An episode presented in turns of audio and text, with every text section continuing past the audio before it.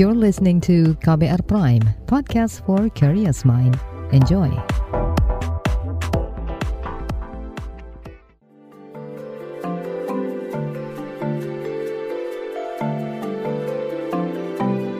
Saga, cerita tentang nama, peristiwa, dan fakta.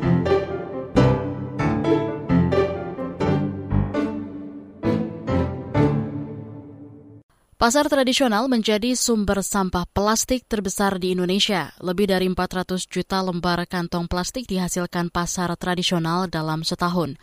Berbagai upaya mengurangi sampah plastik sudah digencarkan sejak lama. Namun perkembangannya relatif lamban. Di Bali, jurnalis KBR Nini Yuniati melihat dari dekat dampak gerakan diet kantong plastik di sejumlah pasar di Pulau Dewata. Simak kisah bagian pertama yang dibacakan Astri Yuwanasari. Ya, ya. Jelang tengah hari di Pasar Sindu, Kota Denpasar, Bali. Para pembeli berdatangan silih berganti menuju lapak-lapak pedagang mencari barang kebutuhan. Di antara mereka masih banyak yang menggunakan kantong plastik sekali pakai, tetapi ada juga yang menenteng tas belanja sendiri.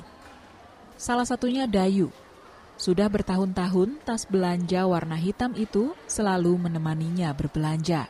Wah, udah berapa ya? Lupa ada, lama dah. Ya, lebih lebih dari sebelum corona ya.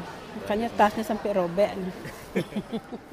Namun perempuan 55 tahun ini mengakui baru sanggup di tahap diet kantong plastik. Sebab beberapa bahan pangan seperti daging dan ikan masih butuh pembungkus plastik. Ya kan nggak bisa gini ya. Gimana? Ya nggak bisa semuanya. Ya diusahakan dikurangi ya semaksimal bisa kan. Para pedagang juga mengklaim tak lelah mendorong pembeli membawa kantong belanja sendiri. Upaya ini semenjak terbitnya Peraturan Gubernur Bali dan Peraturan Wali Kota Denpasar tahun 2018 tentang pembatasan plastik sekali pakai. Namun Intan, salah seorang pedagang mengeluhkan masih banyak konsumen yang abai. Saya suruh beli dia di sana, beli plastik itu ya, nggak boleh lagi pakai plastik gini. Iya ya, kita bilang itu aja. Oh iya saya lupa bawanya besok ya saya bawa gitu aja. Padahal pedagang sayur berusia 42 tahun ini sudah lama tidak memajang kantong plastik di lapaknya. Iya menyediakan sih, tapi disembunyiin di bawah. Kalau dilihat ya pasti minta gitu. Mungkin dipakai tempat sampah di rumahnya, bekasnya gitu. Intan mendukung pembatasan plastik sekali pakai karena ia jadi lebih untung. Dulu satu kemasan kantong plastik seharga Rp8.000 ludes dalam sehari. Kini baru habis dalam beberapa hari. Namun gerakan diet kantong plastik tak bikin bahagia semua pihak. Ayubi misalnya mulai merasakan omset toko plastiknya anjlok. Dulu ia bisa meraup 3 juta rupiah per hari. Pandemi memperparah situasi itu udah sampai tiga gitu paling banyak dah tiga sekarang maksimal cuma ya satu juta ya satu setengah gitulah. Soalnya soalnya kan hotel-hotel itu belum begitu gitu buka. Ya yang Ayubi berharap diet kantong plastik sebatas imbauan bukan pelarangan. Pinginnya gini-gini aja dah. Jangan dilarang jangan dihapus gitu. Pencarian saya cuma ini. Ayubi sudah coba beradaptasi ia pernah menjual kantong ramah lingkungan berbahan singkong, tetapi malah merugi. Kalau plastik singkong itu eh, baru dikasih setengah kilo udah melorot ya, udah jatuh gitu. Jebol-jebol kan nggak jadi orangnya beli.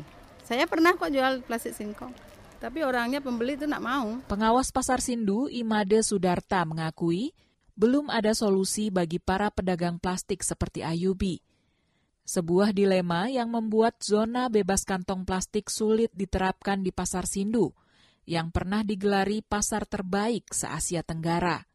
Apalagi jumlah pengunjung masih di kisaran 500-an per hari, jauh dari sebelum pandemi yang bisa mencapai 2.000 pengunjung.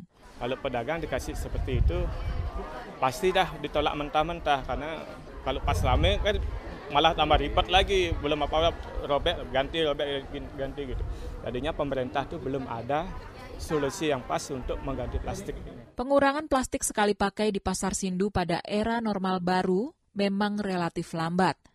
Tingkat keberhasilannya baru di kisaran 40 persen, berdasarkan kajian Pusat Pendidikan Lingkungan Hidup PPLH Bali pada 2022.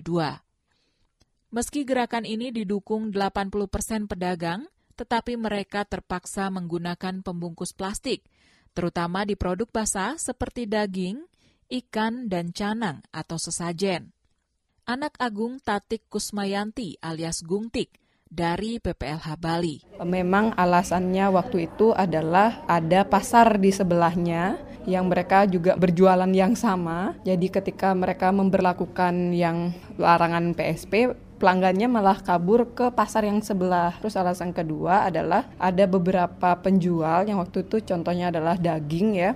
Mereka itu kesulitan kalau misalnya meminta pelanggannya untuk membawa tepa atau wadah untuk bungkus daging dan konsumennya juga tidak mau melakukan itu gitu ya. Alhasil mereka terus menggunakan uh, plastik sekali pakai. PPLH Bali mencoba terobosan baru dengan menggandeng komunitas sobat pasar.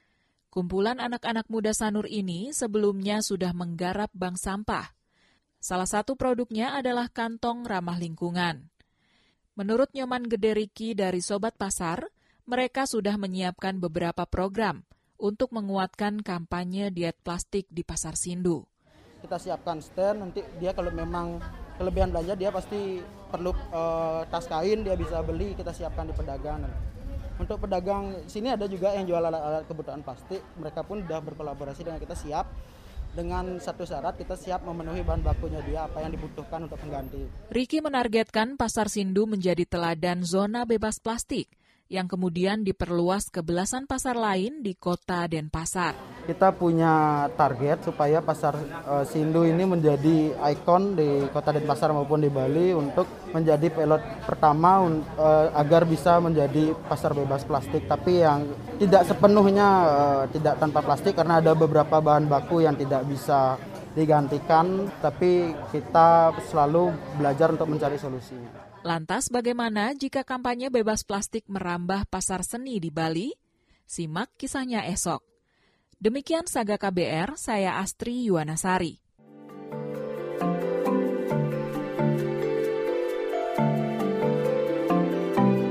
Saga, cerita tentang nama, peristiwa, dan fakta.